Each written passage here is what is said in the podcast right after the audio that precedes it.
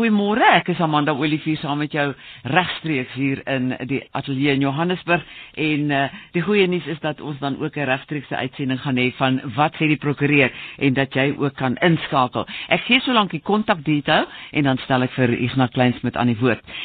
Jy kan ons bel by 089 1104 553. Herhaal daardie nommer is 089 1104 553. Kan ook 'n SMS stuur na 3343.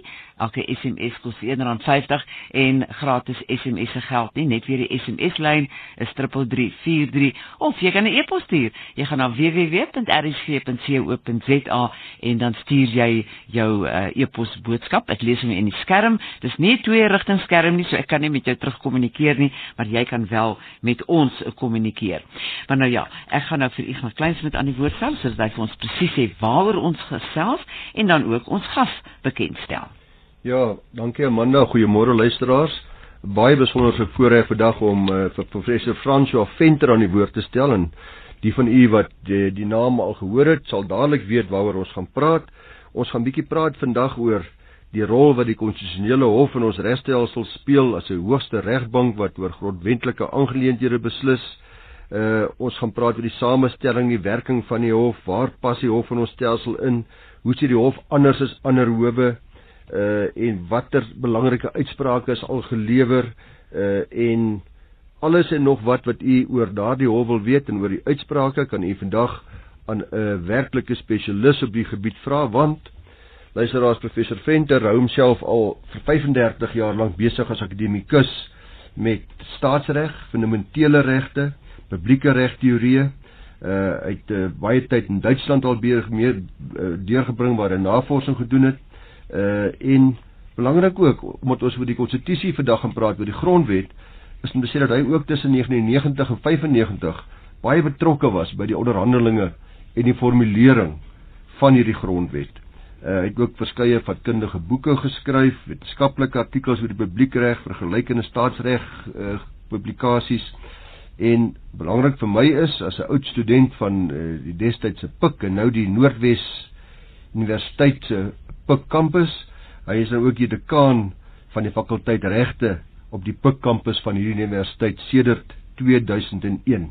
En uh wat my betref verre weg die beste fakulteit in die in die land eintlik in die wêreld. Maar sal dit nie daarmee seker saamstem nie Fransjo. Uh maar hierdie fakulteit van julle daarom baie sleutelrolspelers ook uh die totstandkoming van ons grondwet opgelewer. Ek dink maar aan meneer Ewe de Klerk, Dr Leon Wessels, Teens Elof self en ander en dan ook heelwat bekende prokureurs, advokate, regters, professore, akademici ensovoorts, ook baie politici uh kom van die Pikse regsfakulteit af. Maar uh François baie baie welkom aan jou, baie dankie ook en ek kan sommer nou al sê jy het ook toegestem om in die volgende paar weke bietjie in groter detail en uh en uh te gesels oor verskillende aspekte dan, verskillende belangrike hofsaake van die konstitusionele hof. Ja, dankie Ignas, goeiemôre. Dis my voorreg. Miskien ter afskop eh, terwyl ons wag dat mense inbel, waar pas die konstitusionele hof in ons regstelsel in? Die konstitusionele hof is die hoogste hof oor uh, grondwetlike sake in die land.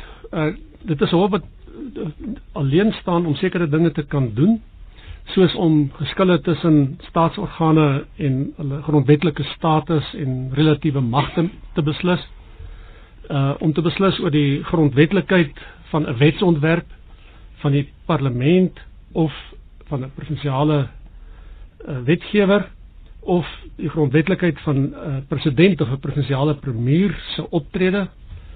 Ehm uh, Die hof kan op versoek van ten minste 1/3 van die lede van die nasionale vergadering beslis oor die grondwetlikheid van 'n wet van die parlement of van 'n provinsiale wetgewer.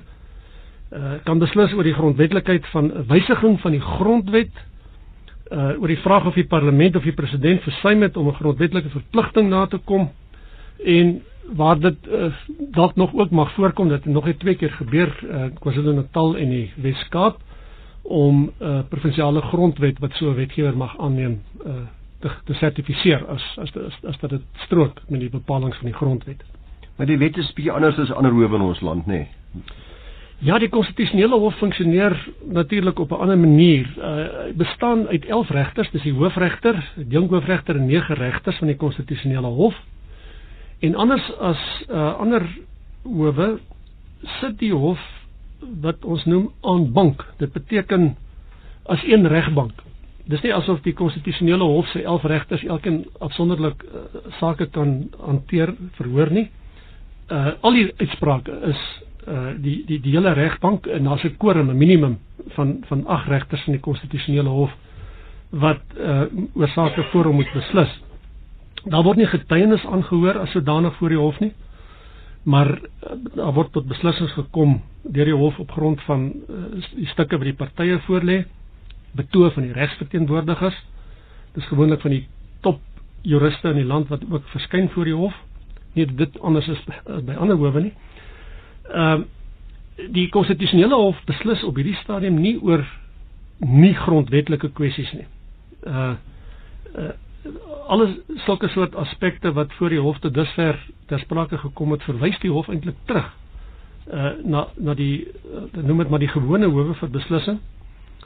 Ehm um, nadat die hof uh, die toepaslike grondwetlike riglyne daar gestel het vir die ander howe. So byvoorbeeld en dit het meermale gebeur waar dit nodig is dat daar ooreenkomstig die vereistes van die grondwet uh die die gemeenereg ontwikkel moet word. Tot dusver het die konstitusionele hof dit nie gedoen nie. Ehm um, daar is egter sprake daarvan dat dit kan verander.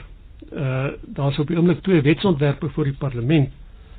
Uh, een wat die die grondwet moet wysig en die ander een wat uh die wet op hoër howe uh, moet uh, uh, wysig met die oog daarop om van die konstitusionele hof die die spits die top hof te maak in alle sake.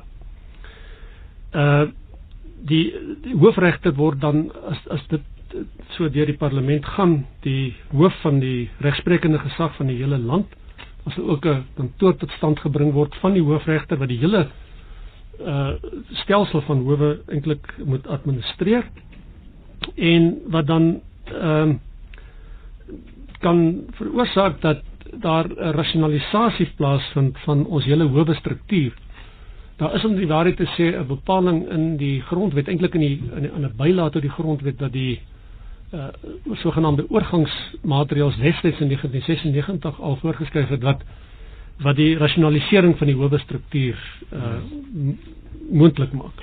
Fransjo, daar word ook tans 'n baie vel debat in die media oor die oor wat sommige mense beskou as 'n poging van ons regering om weer na die soewereiniteit van die reg en die regbank te kyk teenoor die soewereiniteit van die staat. Nou uh ons wil ons gaan in die volgende paar weke bietjie kyk na 'n klompie belangrike hofsaake wat onder andere dui op die verhouding tussen die howe en die regering, die parlement, die burgery en uh, hoe dit verander het sedert die vorige bedeling voor 1994 want sedert die hof van 1995 begin funksioneer dit is nou die grondwetlike hof of die konstitusionele hof is daar heelwat opsienbare uitsprake gelewer hoe hoe vergelyk hierdie storie met ander ander lande wat gebeur daar maar dieselfde dat daar so 'n spanning bestaan tussen 'n regering en die hoogste hof in in in 'n stelsel is glad nie vreemd nie.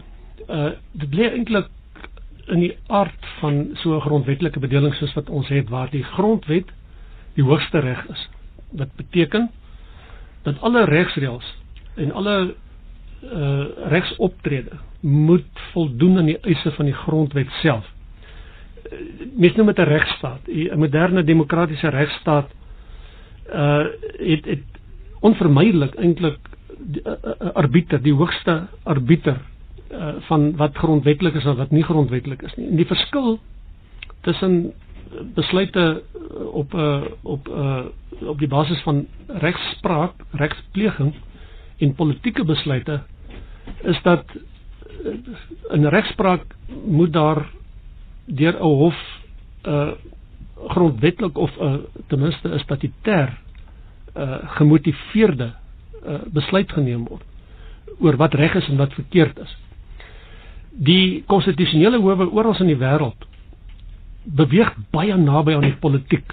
Uh hulle moet baie dikwels uit die aard van hulle jurisdiksie uh, oor sake beslis wat wat politiek omstrede is. En ons konstitusionele hof het al by meer as een geleentheid hom verantwoord hieroor. Uh en en selfs uitsprake gelewer dat wat daarop neerkom dat wanneer kwessies van pol politieke geaardheid hanteer moet word, moet dit liewer deur die konstitusionele hof as deur enige ander hof gehanteer word om die moontlikheid te beperk dat die hele regspleging naderhand polities gekontamineer word. Ja. En en uh dit beteken natuurlik nie dat die konstitusionele hof om kan begewe op die terrein van die politiek in die sin dat so 'n hof uh moet toetree die, tot die politiek nie. As dit gebeur in in 'n stelsel, dit het al gebeur in in ander lande, dan kry jy mens uh eintlik 'n duie storting van die hele stelsel. Mm -hmm. die, die belangrike ding wat mens hier moet vashou is dat 'n hof funksioneer met ander maatstawwe as 'n regering. Regering het te doen met politiek. Uh populariteit van die besluite van 'n regering met die oog op 'n volgende verkiesing terwyl 'n hof uh eintlik uitsluitlik te doen het met die toepassing op 'n gemotiveerde manier reg 'n manier wat hulle hulle self eintlik internasionaal deesdae moet regverdig toepassing van die reg.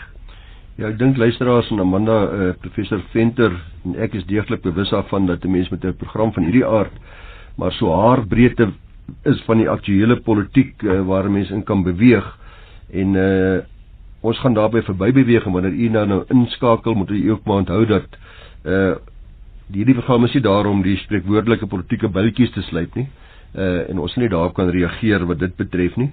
Maar Fransjo uh wat vir mense altyd verbaas dink ek en en jy het dit nou tot 'n sekere mate aangeraak is hier's 11 regters hier's 'n handjievol regters uh en hulle lyk of hulle die gesag het om wette van 'n totale demokraties verkose parlement wat deur almal in die land verkies is nietig te verklaar. Ons het heelwat hofsaake wat dit al gesien wat ons sien dit gebeur.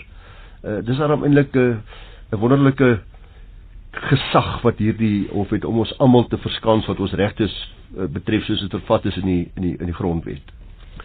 Ja, dit is nogal 'n kwessie wat uh, nie net by ons nie, uh, maar in ander groot uh veral westerse demokrasie erg omstrede geraak het by tye, soms 'n bietjie aangevuur deur akademiese debat. Hoe kan jy hier in hierdie geval 11 regters hê wat uh deur die proses van hulle ervaring as regspraktisyns en deur 'n proses van benoeming op die ouend op die regbank beland sonder dat daar ooit 'n stemming plaasgevind het en hulle het hierdie gesag om te sê dat die parlement wat 'n verkose liggaam is, het ongrondwettig opgetree.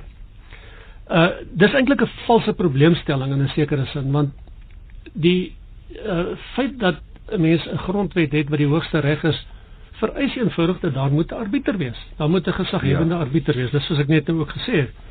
En die uh, ons hof moet ek sê het hom uitstekend vir al die eerste klompie jare wat daar grond leggende werk gedoen moes word. Uitstekend van hierdie taak gekwyt om 'n pad te baan deur aandag te gee aan wat die grondwet vereis in terme van demokratiese belange en en verandering en transformasie en al daardie soort van begrippe en dit wat uh, juridies regverdigbaar is. So gesels professor Frans van Venter, Ignas Kleinsmid is ook hier. Ek sien ons foon lui, kom ons hoor wie gesels met ons en daar hou die foon toe op met lui. Uh die nommer is 0891104553. Wat sê die prokureur goeiemôre? Goeiemôre Amanda, môre kan jy twee gelede gaste daar. Uh ek wil net graag verwys na uh, ons president wat sê hy wil nie die konstitusionele hof hersien nie, maar sy magte Hy sê die magte is nie verhewe bo die van die regering wat sy mandaat deur 'n verkiesing van die meerderheid van die kiesers gekry het nie. Maar as ek uh, reg igna as ek sê dat die konstitusionele hof se magte kan mos nie hersien word nie. Ek bedoel as 'n geval die die die hof het die mag om wetgewing uh ongrondwettig te verklaar of hy het nie daardie reg nie. Ek luister by die radio. Baie dankie. Voordat jy antwoord Ignas, dit sluit dalk aan by 'n vraag op die SMS lyn wat sê kan die regering die grondwet verander? Ja, dit is uh, ongelukkig is dit waar dat die regering wel die grondwet kan verander. Uh dis nie so maklik om die grondwet te verander nie. Daar's 'n uh, presentasie stemming daarvoor nodig, daar's 'n hele proses daarvoor nodig. Maar tot tyd en wyl daar nie 'n uh, 'n werklike besluit is deur 'n parlement om 'n spesifieke klousule van die grondwet te verander nie, is die regering gebonde aan die grondwet en kan die konstitusionele hof se magte neersien word op enige manier deur die regering nie. Fransja, ons spesialis, vul asseblief aan. Ja, kyk, geen grondwet is onwysigbaar nie. Dit sou baie vreemd wees. Ehm uh, terloops die Duitsers het 'n bepaling in hulle grondwet wat sê dat sekere goed glad nie gewysig kan word, mag hoegenaamd gewysig word nie. Hulle noem dit die die ewigheidsbepaling. Ja, ewigheidsbepaling. Maar in ons grondwet is daar vir die grootste gedeelte van die grondwet ehm um, voorsiening daarvoor dat uh, die grondwet met net met 'n 2/3 meerderheid van die nasionale vergadering en dan ook 'n meerderheid van die provinsiale verteenwoordigers in die nasionale raad van provinsies gewysig mag word, maar dat die grondliggende beginsels van die grondwet soos vervat in artikel 1 uh net met 'n 75% meerderheid uh gewysig sou kon word. Nou is dit so dat grondwette deur die loop van jare dikwels die behoefte ontwikkel om of die gemeenskap ontwikkel behoeftes om die grondwet aan te pas en te verbeter. Uh en ons grondwet is ook al verskeie keer gewysig nie in op, wat ingrypende kwessies betref nie sulke goed soos die die oorloopklausule uh, wat aanvanklik dit moontlik gemaak het vir mense in die parlement om oor te stap na 'n ander party toe. Ehm uh, maar die uh, proses is 'n uh, oorwoë proses.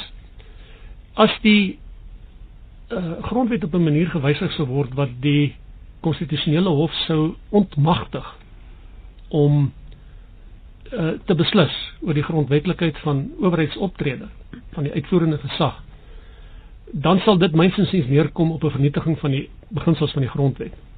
Ja. En en, en daarvoor meen ek sal daar 'n uh, baie groot meerderheid in die parlement vereis moet word wat nie vir enige party op die oomblik beskikbaar is. En soos jy sê Fransjo, wanneer mense telkens in demokratiese verkiesings betrokke is, dan wonder baie mense wat is die magiese syfer 66%? Hoekom is dit so belangrik dat een party nie meer as 66,6% moet hê nie? En daar is die antwoord nou gegee. Die rede daarvoor is dat dit staat dit 'n party in staat stel om die konstitusie te wysig uh sonder dat daar enige steun nodig is van enige ander van die verkose partye. Vraag is wie bedien tans ons president van advies rondom die grondwet? So vra Jan Karel van Rustenburg. Wel, ek weet nie presies wie almal uh die president adviseer nie. Mense sou wil dink dat dat uh, die die minister van justisie en grondwetlike ja. aangeleenthede moet wees wat op sigself ook geadviseer word deur uh, regsadviseurs uh, amptenare van die staat. Dis ook nie onmoontlik nie dat die regering regsadvies kan inwin van buite die staatsdiens. Uh so ek ek weet nie wat die antwoord op die vraag is nie. Uh ek neem aan die vraag impliseer eintlik dat die kwaliteit van die regsadvies nie gewens na op 'n gewenste vlak is nie, maar daaroor wil ek my nou nie uitspreek nie. Dit is 'n uh, 'n kwessie van dat 'n regering moet uh 'n bedeling soos die van ons voldoen aan die eise van die grondwet. Ja, en dit is dikwels ook moeilik om te bepaal omdat daar ook verskillende uitsprake deur verskillende individue gegee word. Die luisteraar het nou nou ingeskakel het gesê dat die president het gesê hy wil nie die konstitusionele hof uh, hersien nie, maar bloot sy magte die minister van justisie daarin sê nee dit is uh, eintlik nie wat gedoen wil word nie hulle wil bloot kyk na wat die effek was van die konstitusionele hof se uitsprake sedert 1995 op die demokrasie en op die op die regte van van van die burgery. Ja. So is 'n bietjie twee verskillende goed daarin nê dan uh, wonder dan weet mens nie altyd wie adviseer wie nie. Een van die mees innoverende aspekte van ons grondwet is die feit dat daar in die handves van regte sogenaamde sosio-ekonomiese regte ingebou is dit is regte waarop mense kan aanspraak maak uh om om die regering te verplig om bepaalde goed te doen. Nou daar's klassieke voorbeelde, dis soos die grootboom saak wat uh van die regering wat die konstitusionele hof uh, van die regering vereis het om uh bepaalde stappe te neem om uh, voldoende behuising te voorsien aan mense wat nie huise het nie. En daar's 'n bepaling in die grondwet wat wat dit eintlik voorskryf en die uh sake rondom uh, die hantering van HIV vigs en so meer. Nou die omstredenheid daarvan is dat uh histories is uh, fundamentele regte eintlik goed wat uh mense kan kan uh, opeis om om hulle self te beskerm. Terwyl sosio-ekonomiese regte is vereis 'n uh, uh, uh, praktiese aktiewe optrede van die regering. Nou dit is internasionaal omstrede. In ons omgewing is dit van groot belang omdat dit te doen het met die die gees van die grondwet om te verseker dat agterstande in die gemeenskap en en groot probleme soos armoede en en al die uh, sosiale probleme wat ons het uh, aangespreek moet word. En eintlik is daar by geleentheid ook gesê in hierdie hele debat oor die sogenaamde hersiening van die uh, howe vir al die konstitusionele hof se funksies of die regering voldoende reageer op die eise wat die reg en veral die regspraak ook op hulle uh, aan hulle stel. En, en dit is 'n dis 'n geldige vraag. Ja. Wat sê prokureur goeiemôre? Goeiemôre Amanda en Igna en die professor, dit is Philip de Bruin wat hier praat. Ons hoor vir jou Philip. Hoor die stem Philip, ja môre. Man ek ek het net twee goedjies as ek mag. Uh die eerste is ek wil net terugkom uh, na wat die professor vroeër gesê het in verband met die wetswyzigings wat uh gereed lê in die parlement oor uh die moontlikheid dat die konstitusionele hof nie net meer die hoogste hof in die land oor die grondwet gaan uh, grondwetlike aangeleenthede gaan wees nie, maar oor alle aangeleenthede. Nou uh, dit is vir my 'n bron van groot uh kommer vir my persoonlik want uh, uh, uh soos ek dit verstaan is die konstitusionele hof die hoofbewaker van die grondwet. Ehm uh, en en daarmee hou hy hom nou al 17 jaar besig en dit is 'n geweldige enorme taak waar al 11 regters in elke saak betrokke is en uitsprake kan en mag lewer en so aan. En ek kan my net indink as uh as uh uitsprake in die appelhof wat niks te doen het met grondwetlike aangeleenthede nie nou ook skielik uh konstitusionele hof toe mag gaan uh die geweldige werklading wat dit vir die konstitusionele hof gaan meebring want almal gaan nog 'n laaste keer probeer om daar reg te kom as hulle nie in die appelhof reg gekom het nie. Ehm um, uh ek ek weet nie uh wat die doel van die appelhof in ieder geval dan meer is as so iets sou gebeur nie. Want uh, dan het jy reeds 'n hooggeregshof wat 'n uitspraak gelewer het en dikwels 'n volbank van 3 regters van 'n hooggeregshof daarna en dan 'n uh, appelhof met 5 regters uh en dan nou nog die konstitusionele hof. Dit lyk asof die appelhof se rol heeltemal uitgedien is dan. Ehm um, so ek wil graag wil hoor, hoor wat die professor daaroor sê en dan die tweede ding net vinnig is oor die jongste uitspraak oor die SC status van advokate. 'n uh, uitspraak van regter Patudi onlangs uh, waarin hy bevind het in Pretoria uh dat uh, president Zuma nie die grondwetlike magte het om uh om om uh FG status aan advokate toe te ken nie. Ehm uh, wat uh, is dit 'n geval wat konstitusionele hof toe behoort te gaan omdat dit 'n uh, 'n uh, uitvoerende uh taak van die staatshoof is en wat outomaties slegs deur die konstitusionele hof ongrondwettig bevind kan word? of uh is dit uh 'n gewone saak wat eers appelhof toe behoort te gaan? Ek luister by die radio. Baie dankie. Dankie Philip. Wonder uh, kan ek dalk afskop deur net vinnig voor jy aankom uh, te sê oor die laaste vraag oor die uh, SC status het ek in die pers gesien 'n dag of twee gelede dat die algemene balieraad van Suid-Afrika het nou appel aangeteken na die appelhof maar terselfdertyd ook die konstitusionele hof gevra of hulle nie direk so toe kan gaan nie. So die antwoord op Philip se vraag sal ons eendag daar kry om met die konstitusionele hof nou spesifiek daai vraag wat hy gevra het moet gaan oor beslis. Is dit 'n saak vir die appelhof of is dit 'n saak wat direk kan uh, toegang kry tot die tot die konstitusionele hof? Ja, wat die wat die eerste kwessie betref oor die uh moontlike veranderinge wat gaan plaasvind ten opsigte van die status van die konstitusionele hof en van die ander howe gevolglik. Ehm um, moet mense gedagte hou dat uh dit nie al die demokratiese lande in die wêreld is wat werk met 'n uh, konstitusionele hof wat toegewy is net aan grondwetlike aangeleenthede nie.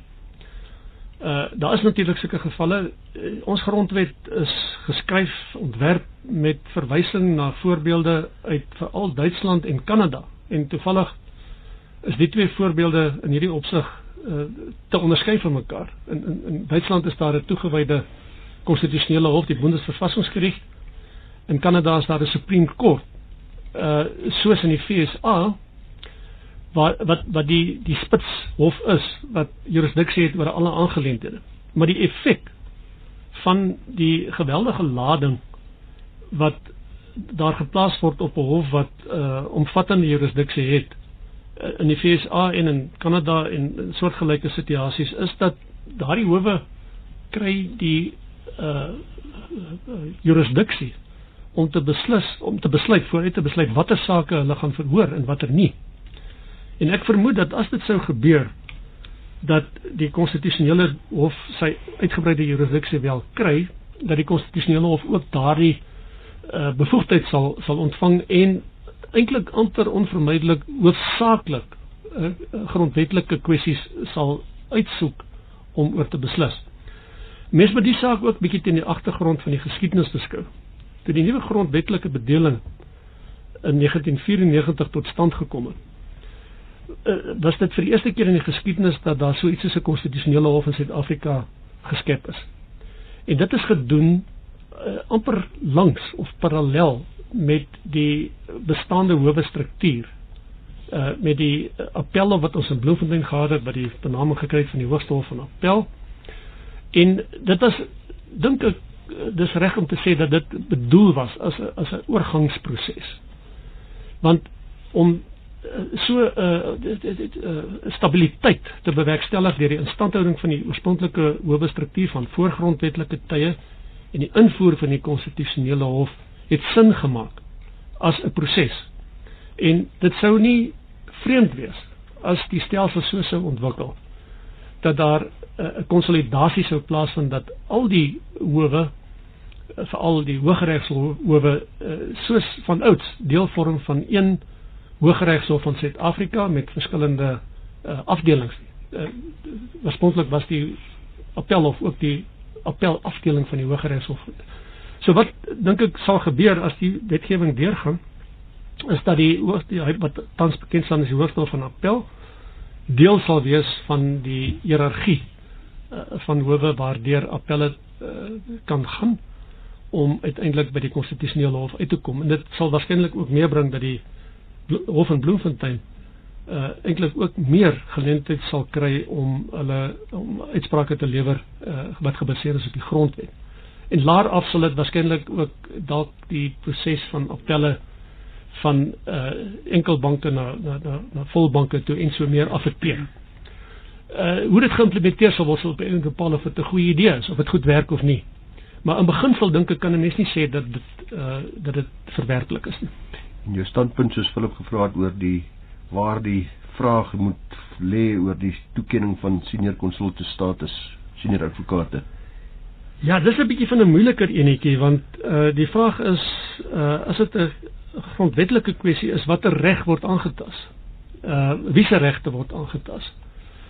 Uh en en of dit werklik handel oor die uh as dit vir die konstitusionele hof beland sal dit waarskynlik moet ook gaan oor die vraag wat is die omvang van die staatshoofsfunksies van die president ja in ter onderskeid van die sy uitvoerende funksies. Uh jy weet in die geskiedenis uh van die van die common law lande waarvan ons een was uh in Kanada ander en natuurlik die Verenigde Koninkryk en so aan was daar 'n uh, uh, uh, stelsel gewees wat regters eenvoudig deur 'n minister aangewys is. Uh en dit het natuurlik ook direk verband gehou met die verlening van senior consultant status of Queen's Counsel in in, in Brittanje en so meer. Uh vir baie jare was daar konvensies daar rondom gewees en geen kontrole nie. Uh wat hier aan die gang is is waarskynlik ook 'n mate van rasionalisering uh van van hierdie hele proses en dit hou op die ou het ook verband met die uh ersiening van die hele struktuur van die regspraktyk wat nou ja. al vir jare lank aan die gang is in die hande van die departement van justisie en grondwetlike ontwikkeling. Dankie professor Frans van Venter. En ehm um, hier is nou 'n interessante stelling, mening hier op die SMS lyn. Dis 'n luisteraar wat sê ehm um, wie ook al man of vrou vind die program vervelig. Dis net vir hogere mense, nie vir ons gewone mense om oor die konstitusionele hof en die grondwet te praat nie. Maar ek dink dit is net daar waar ons dalk 'n plig het om vir die luisteraars sê hoekom dit so belangrik is. Ja, dit doen ek baie graag. die uh manier waarop ons regeer word. Die manier waarop die daaglikse bestaan van mense geadministreer word deur die nasionale en provinsiale regerings en die plaaslike regerings. Die manier waarop die howe ons geskille besleg het sedert 1994 regstreeks te doen met wat in die grondwet staan. Die grondwet is 'n uh, 'n stuk wetgewing wat verhewe is bo alle ander reg en dit het te doen met uh, feitelik elke aspek van ons uh, sosiale bestaan. Want daarin word byvoorbeeld aan ons regte verleen en ons regte word beperk. Die die vraag of 'n uh, 'n kind aanspraak daarop het om na skool toe gestuur te word uh wat uh, wat uh, waar die onderwys in 'n bepaalde taal verleen word. Hoe na hoe, hoe warmer kan dit nie wees? Ek bedoel hoe kan ja. mens 'n saak warmer kry as dit as wat die gewone mens op straat eintlik gewone mens ja. En en, en so kan mens die, die hele rits goed eintlik sê die manier waarop die munisipaliteit uh, optree. Uh dit het alles te doen met grondwetlike kwessies. Dit te doen met sake wat op die ou end finaal beslis moet word deur die konstitusionele hof. Ek dink die luisteraar sal uh, hopelik 'n ander standpunt ook huldig gesê in die volgende paar weke gaan ons bietjie gesels oor meer praktiese sake waarin die werkinge van die konstitusionele hof meer plasties word, meer uh, geregistreer word in praktyk. Uh, ons gaan 'n bietjie gesels oor die hele kwessie van die amnestieverlening en presidensiële begenadiging in verskillende sake, die bekende McBride saak wat 'n baie interessante saak is. Ons gaan praat oor al die skole sake of baie van hulle die die bekende Ermelo saak, die die vraag of die beheerraad wat u kies vir u kind se skool, wat is hulle regte, wat is hulle magte want dit word uiteindelik deur hierdie hof beslis. Uh en dan gaan ons ook 'n bietjie praat oor die individu soos meneer Glenister wat die regering aangevat het en en 'n groot verskil gemaak het of daar skerpioene of valke is in in en wie ons veiligheidssituasie uh, beheer en en wie daaroor gesag het. En uh meneer van Abu wat is ons regte wat diplomatieke regte betref uh as ons in die buiteland belange het? Ag en so kan ons aangaan. So ek dink wanneer mense oor die saak self begin praat uh, Fransjo ons is nou 'n bietjie met die teorie van die hof besig dan begin mense eers agterkom dat elkeen van ons individueel elke dag raak Ja, iets aan die ander kant van daai spektrum is natuurlik die feit dat om geregtigheid te bekom is nie altyd goedkoop nie. Dis die probleem. Dit is nie elke mens wat uh, oor die fondse en oor die middele beskik wat uh, wat sy of haar saak kan voer tot by die konstitusionele hof nie. En dit is 'n omstredenheid wat uh, al die jare nog gegeld het wat in alle lande eintlik geld want regspleging is nie verniet nie. Uh die die die die, verkryging van regsadvies is uh, nie iets wat mens by die winkel op die hoek kan gaan koop as jy wil as jy wil goeie advies hê.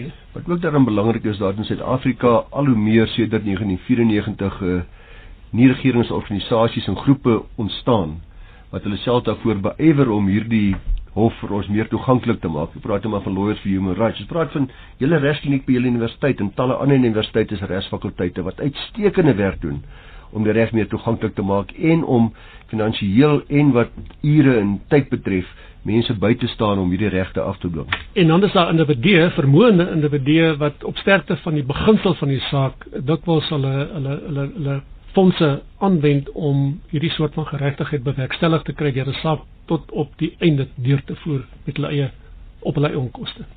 Telefoonnommer is 0891104553. SMS lyn is 3343. Elke SMS kos R1.50. Gratis SMS se geld nie of jy kan 'n e-pos stuur na www.rsg.co.za. Nou vra Rian of liewer Leon sê of hy ja, hy maak 'n stelling wat help dit ons het 'n bespreking oor die konstitusionele hof en president Zuma is van voornemens om die onafhanklikheid van die hof aan te tas deur die beslissings van die hof te wil ondersoek. Uh dis my mening. Een van die goed wat ek dink belangrik is om te begryp oor die grondwet is dat anders as in ander soort bedelings en ook in die soort bedeling wat ons gehad het voor 1994 kan 'n regering of 'n individuele president of 'n minister nie doen wat hy of sy wil nie. Die die grondwet is baie pertinent uh, ontwerp om te voorkom dat daar vir selfsugtige of politieke of vir ekonomiese of finansiële redes of watter motiewe mense ook al mag hê uh deur iemand wat in 'n gesagsposisie is uh lukraak dinge gedoen kan word. So as die president of die kabinet of die regering of die parlement of een of ander instansie uh so 'n kwessie wil ondersoek oor hoe werk die howe is dit effektief is dit uh, bevorderlik vir die demokrasie ondermyn dit die belange van die van die volk van die nasie dan staan dit hulle dit vry om dit te doen. Maar die grondwet self het sterk en stewige beperkings op wat moontlik is vir die staatsadministrasie en vir die regering om te bewerkstellig dit maak hulle natuurlik nie onmagtig nie dit het alles op die ou end te doen met die hoeveelheid steen wat daar bestaan in die uh, besluitnemende en die wetgewende liggaam uh vir die een of die ander optrede. Maar ek wil net hier oor die laaste puntjie maak en dit is dat dit baie moeilik is vir enige iemand. Maak nie saak hoe magtig so 'n persoon geplaas is nie om iets so magtig soos 'n uh, grondwet wat die hoogste reg is te ondermyn en te vernietig sonder om 'n massiewe ekonomiese en sosiale krisis te veroorsaak. Nou sê, ehm steek gerus uh, SMS ons het nog so 5 minute oor 'n SMS na 3343 of bel ons by 0891104553 of jy kan ook 'n e-pos stuur na www.rc.co.za. Ons gesels vanoggend oor die werking van die konstitusionele hof en alles en nog wat oor die grondwet.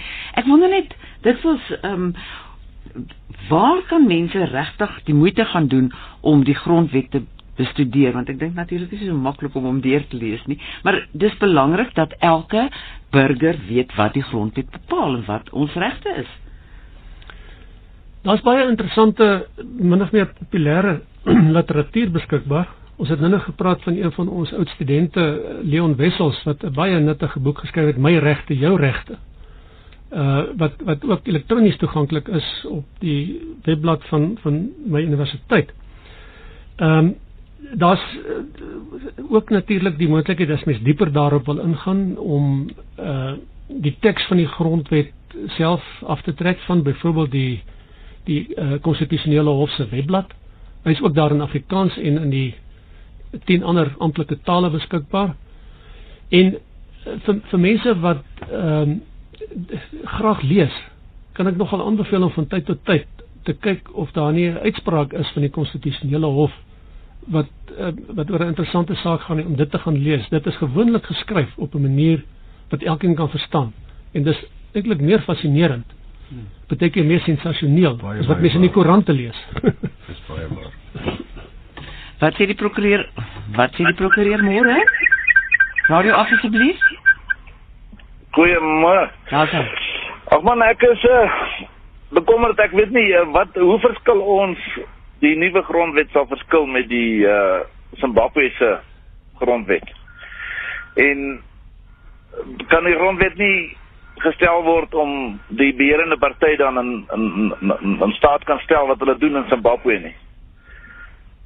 Goed, kom ons hoor of uh, professor jou kan help. Ja, die wesenlike verskil tussen wat hier in Suid-Afrika aan die gang is en wat in Zimbabwe aan die gang is, is dit in Zimbabwe het enige grondwetlike en self statutêre uh beperkings eenvoudig in duie gestort. Dit is vernietig. Dit is sistematies deur deur die regering in Zimbabwe vernietig. Onder andere deur byvoorbeeld daar in die begin van hulle proses van induie storting uh, is is al wat regter en landros is vervang deur mense wat die regering ondersteun. By ons ons is 'n regstaat. Uh en en die grondwet verleen aan die strukture en die beginsels wat uh, regstaat onderlê soveel beskerming as wat menslik moontlik is vir so 'n stuk uh wetgewing.